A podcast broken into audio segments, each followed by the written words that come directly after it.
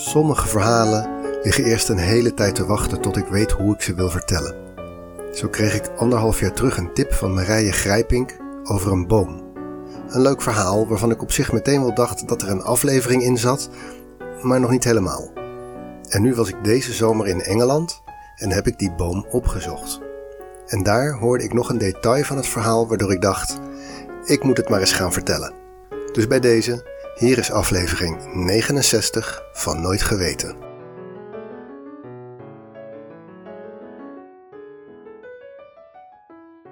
De plaatselijke kroeg of herberg in Nederland en België heet meestal naar de plek waar hij staat of omschrijft het gebouw. Marktzicht, havenzicht. Het wapen van Bunnik voor een pand waarop aan de buitenkant het wapen hing van, inderdaad, Bunnik. In Engeland is dat heel anders. Daar heten pubs meestal naar symbolen. De meest voorkomende naam voor een pub is The Red Lion, de Rode Leeuw. Nummer 2 is The Royal Oak. En dan heb je nog typische namen zoals The White Hart, The King's Arms, The Fox and Hounds, dat soort namen. The Royal Oak, de koninklijke eik, daar wil ik het vandaag over hebben. Die pubs zijn vernoemd naar een curieuze gebeurtenis in de Engelse geschiedenis. Het zijn trouwens ook niet alleen pubs. Scholen, theaters, golfclubs, goudmijnen, overal in het gemene best is er van alles vernoemd naar één bepaalde eik. En het zijn niet alleen woorden waarin deze eik voortleeft. Er zijn ook daden. Een aantal mensen in Engeland, het is niet precies bekend hoeveel, ontvangt jaarlijks een klein bedrag op zijn bankrekening. Vanwege de koninklijke eik. Die mensen zijn allemaal directe afstammelingen van een van de hoofdpersonen in dit verhaal. Het speelt in Engeland in 1651. Dat is aan het eind van de Engelse burgeroorlog. Die burgeroorlog, en eigenlijk de hele Engelse geschiedenis van de 16e, 17e, 18e eeuw, is voor ons een nogal ondergrondelijke warboel. Ik ga ook niet eens proberen om dat hier helemaal uit te leggen, maar ik zal wel proberen hier in een notendop de situatie te schetsen waarin ons verhaal zich afspeelt. Die hele burgeroorlog was begonnen in 1642. De koning op dat moment was Charles, Charles I. En Charles had een traditionele opvatting van het koningschap. Het koningschap was een goddelijk recht en de koning was uitgekozen door God zelf. De koning was dus een soort god op aarde. Nou was Engeland in die tijd zeker geen democratie of zo, maar er was wel een lange traditie dat de koning weliswaar de baas was, maar dat hij zich ook aan de wet moest houden. Dat stamde eigenlijk al uit de tijd van het tekenen van de Magna Carta in de 13e eeuw. Er was dus ook een parlement, maar dat had niet heel veel te zeggen. Het kwam alleen bij elkaar als de koning het wilde en het bestond uitsluitend uit adel. Maar voor sommige zaken had de koning dat parlement wel nodig, met name voor het heffen van belastingen. Dat ging eigenlijk al eeuwen best goed, maar bij Charles liep het spaak. Enerzijds omdat hij niet goed aanvoelde dat in Engeland het parlement wat meer inspraak gewend was dan in Schotland. Daar was hij ook koning van en daar kwam hij eigenlijk vandaan. En anderzijds speelden er religieuze verschillen. Dat had je overal in Europa en hier ook. Je had in Engeland natuurlijk de Anglikaanse kerk, maar daarbinnen had je een stroming die de kerk meer op de katholieke kerk wilde laten lijken, met veel ceremonie en zo, en een stroming die zich meer protestants opstelde. Er werd zelfs gefluisterd dat Charles stiekem katholiek was. Hij trouwde ook met een katholieke Franse prinses. Dus ja, dan weet je het wel. Charles probeerde steeds meer het parlement te omzeilen en vond dat hij best nieuwe belastingen kon introduceren zonder hun toestemming. Dus hij riep het parlement gewoon niet meer bijeen en ging zijn gang. Daar kwam hij elf jaar mee weg. Maar in die tijd kregen die parlementsleden wel steeds meer het gevoel dat Charles vond dat het parlement daar niet toe deed. En dat zagen ze waarschijnlijk vrij goed. Ze begonnen natuurlijk steeds meer te morren, formeerden ook een eigen leger en stelden dat de koning de wet overtrad.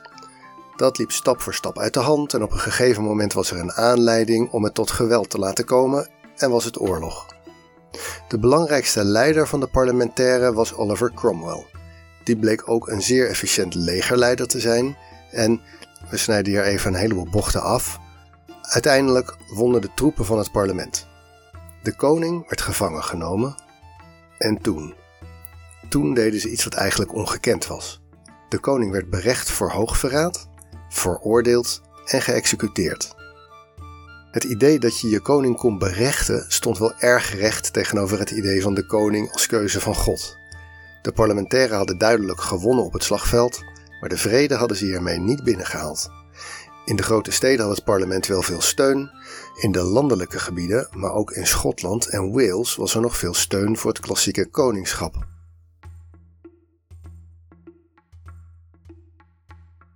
En de koning was dan dood, maar hij had nakomelingen. Zijn oudste zoon was 19 en heette ook Charles.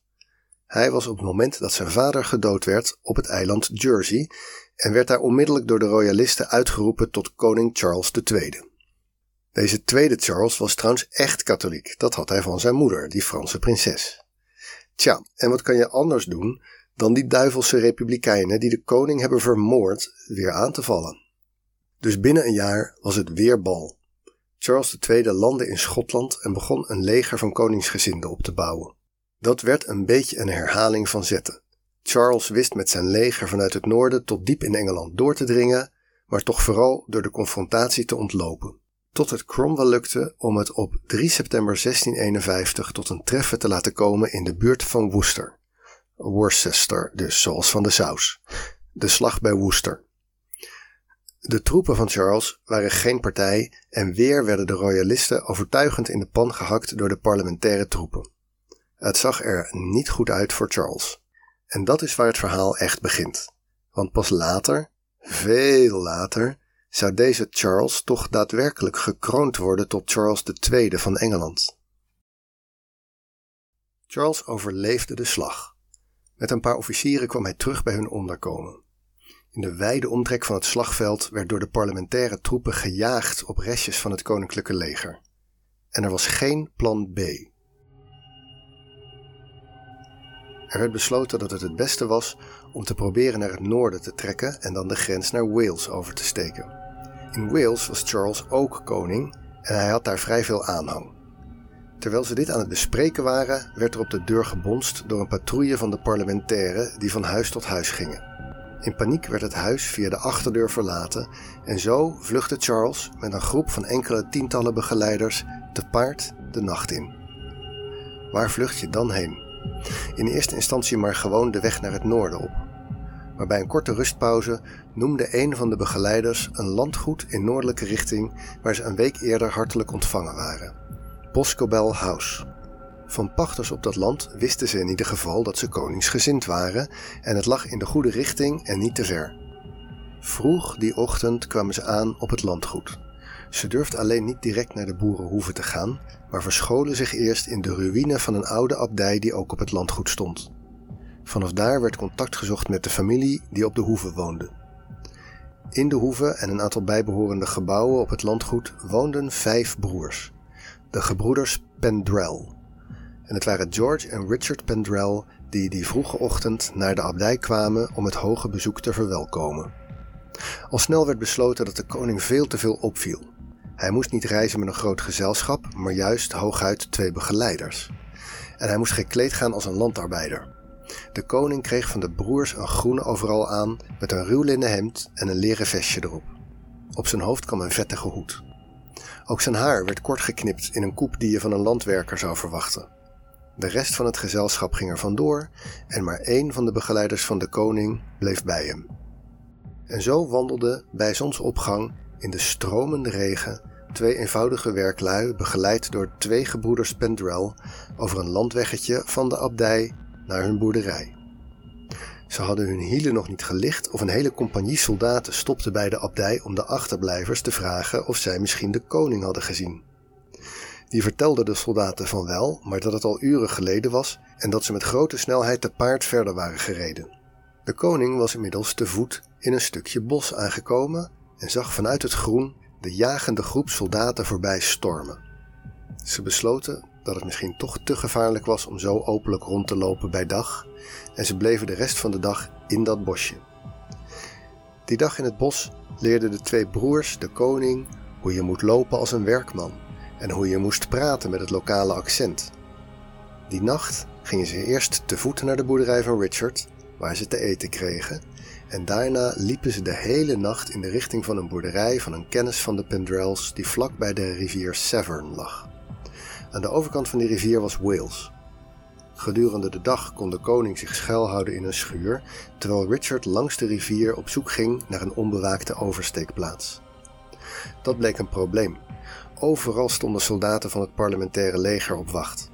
Die oversteek van de rivier naar Wales, dat ging hem voorlopig niet worden. Ze zaten klem en besloten die nacht toch maar weer terug te lopen naar Boscobel House, de enige min of meer veilige plek die ze konden verzinnen. Dat ging vrij langzaam omdat de voeten van de koning inmiddels helemaal beurs waren van de wat te kleine ruwe schoenen die hij had gekregen. Die ochtend, na drie nachten paardrijden en lopen, kwam de koning met bloedende voeten aan bij Boscobel House. Boscobel House was een geschikte plek om onder te duiken. Het had namelijk een aantal priest halls. De pachters van de hoeve waren goede katholieken. En in deze periode werden katholieke priesters soms vervolgd. Dus als je soms een priester over de vloer kreeg, was het handig om een verstopplek te maken onder de vloer of op zolder of zo, waar die priester zich kon verstoppen als er plotseling werd aangeklopt. Boscobel House had een aantal van deze verstopplekken en dat was natuurlijk een perfecte plek om een voortvluchtige koning te verstoppen. En dat was nodig ook. De parlementaire troepen zochten nog steeds het land af en er was een beloning uitgeloofd van 1000 pond voor informatie over de locatie van Charles. En de doodstraf was afgekondigd voor het verbergen van de koning. De voeten van de koning werden verzorgd en de rest van de nacht verstopten ze hem in een van de priest halls. Maar de volgende ochtend begonnen ze zich toch zorgen te maken. Bij daglicht was het misschien toch niet zo'n heel goede verstopplek. Ze besloten dat het misschien nog het veiligst was om het bos achter de hoeve in te gaan en zich ergens in een hoge boom in het gebladerte te verstoppen. En zo bracht de koning, die inmiddels echt wel oververmoeid moet zijn geweest, met zijn adjudant een hele dag in de kruin door van een grote eik. En terwijl ze daar zaten, kwamen er zo nu en dan ook troepen voorbij die ook echt het bos doorzochten. Zijn helper memoreerde later dat de koning probeerde wat te slapen, maar dat hij de koning telkens had geknepen om hem wakker te maken om te voorkomen dat hij hun plek zou verraden door te snurken. Het was wel duidelijk dat Boscobel House toch niet zo'n veilige plek was. De nacht erna brachten de vijf gebroeders Pendrell de koning te paard naar een kennis een heel eind verderop, waar veel minder soldaten rondliepen. Daar, na vier nachten lopen en paardrijden en drie dagen verstopt in gaten onder de vloer en in een boom, kreeg Charles een bad, schone kleren, werden zijn voeten verzorgd en sliep Charles voor het eerst weer in een bed. Op dat moment beloofde hij de gebroeders Pendrell dat als hij ooit toch nog op de Engelse troon zou komen, dat hij dan hun hulp in deze moeilijke dagen niet zou vergeten. Dat was op dat moment een makkelijke belofte, want Charles moest zich eerder zorgen maken om zijn hoofd dan om zijn kroon, maar uiteindelijk kwam hij dus wel op die troon. Nog vijf weken zwierf hij door Engeland van safehouse naar safehouse, en uiteindelijk wist hij per boot in veiligheid te komen en voegde hij zich in Parijs bij zijn moeder. Hij zou Engeland een hele tijd links laten liggen. Maar toen Oliver Cromwell een jaar of zeven na de ontsnapping overleed, toen begon alles te schuiven. Bij een koning weet je meestal precies wie er moet opvolgen, maar bij een Lord Protector of the Commonwealth was dat wat minder duidelijk. In eerste instantie werd hij zelfs opgevolgd door zijn zoon, Richard Cromwell. Maar die had natuurlijk bij lange na niet de autoriteit van zijn vader, dus begon het land alweer af te glijden naar de volgende burgeroorlog. En daar hadden heel veel parlementariërs ook geen zin in. Het liep natuurlijk via duizend tussenstapjes en intriges, maar uiteindelijk stelde het parlement voor dat het misschien toch wel goed was om een koning te hebben. En weet je wat? We hebben er eigenlijk nog een, in Frankrijk.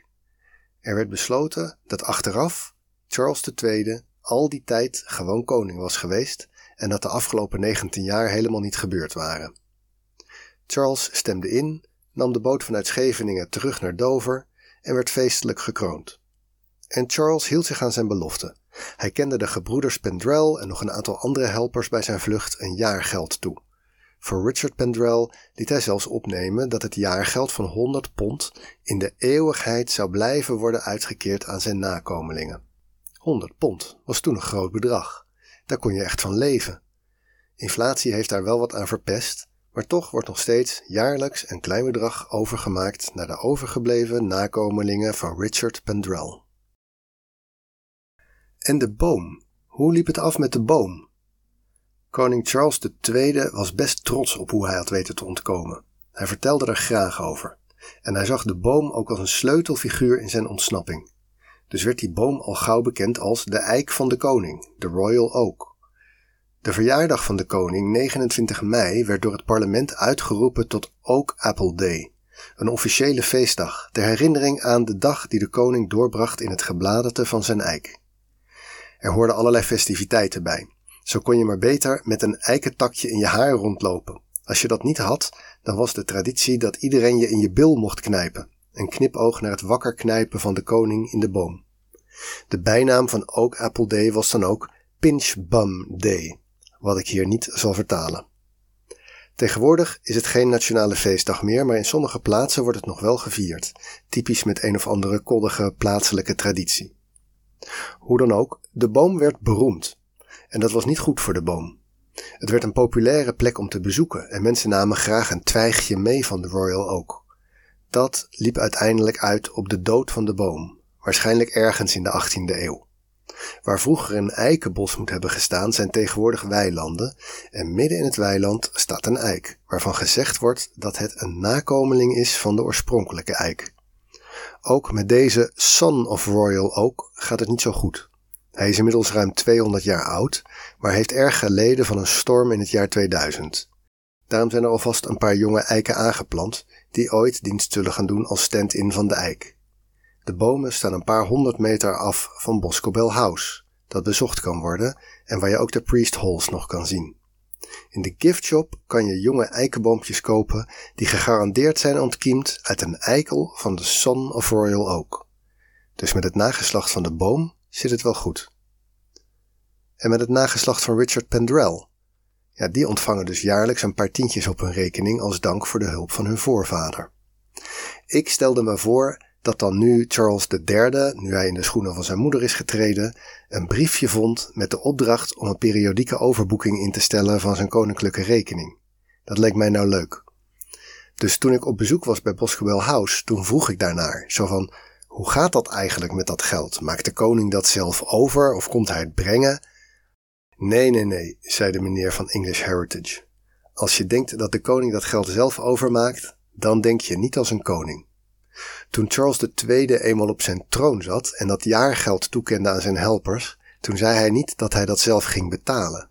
Hij verordeneerde dat zij recht hadden op dat geld en dat het betaald moest worden door de pachters van de koninklijke landgoederen in de omgeving. Dus er zijn niet alleen een aantal mensen die nog elk jaar een paar tientjes krijgen vanwege die koninklijke boom. Er is ook iemand die jaarlijks bij een aantal boerderijen in de omgeving langs moet om 100 pond op te halen en dat over te maken aan de nakomelingen van Richard Pendrell. De koning doet niets en betaalt niets. Zoals de man van English Heritage zei: He was not a stupid man, King Charles. Dit was aflevering 69 van Nooit Geweten. De tip over dit verhaal kwam van Marije Grijpink. Bedankt weer daarvoor. De oplossing van de fotopuzzel was de pagina over Royal Oak op de Engelse Wikipedia. Nooit Geweten wordt gemaakt door mijzelf, Teun Duinstee, en is een hommage aan Wikipedia. Ken je iemand die dit een leuk verhaal zou vinden? Stuur het dan door. Volgende week is er weer een aflevering en wie alvast wil weten waar die over gaat, kan proberen de Wikipedia fotopuzzel op te lossen. Die vind je in de show notes. Bedankt voor het luisteren en tot de volgende week.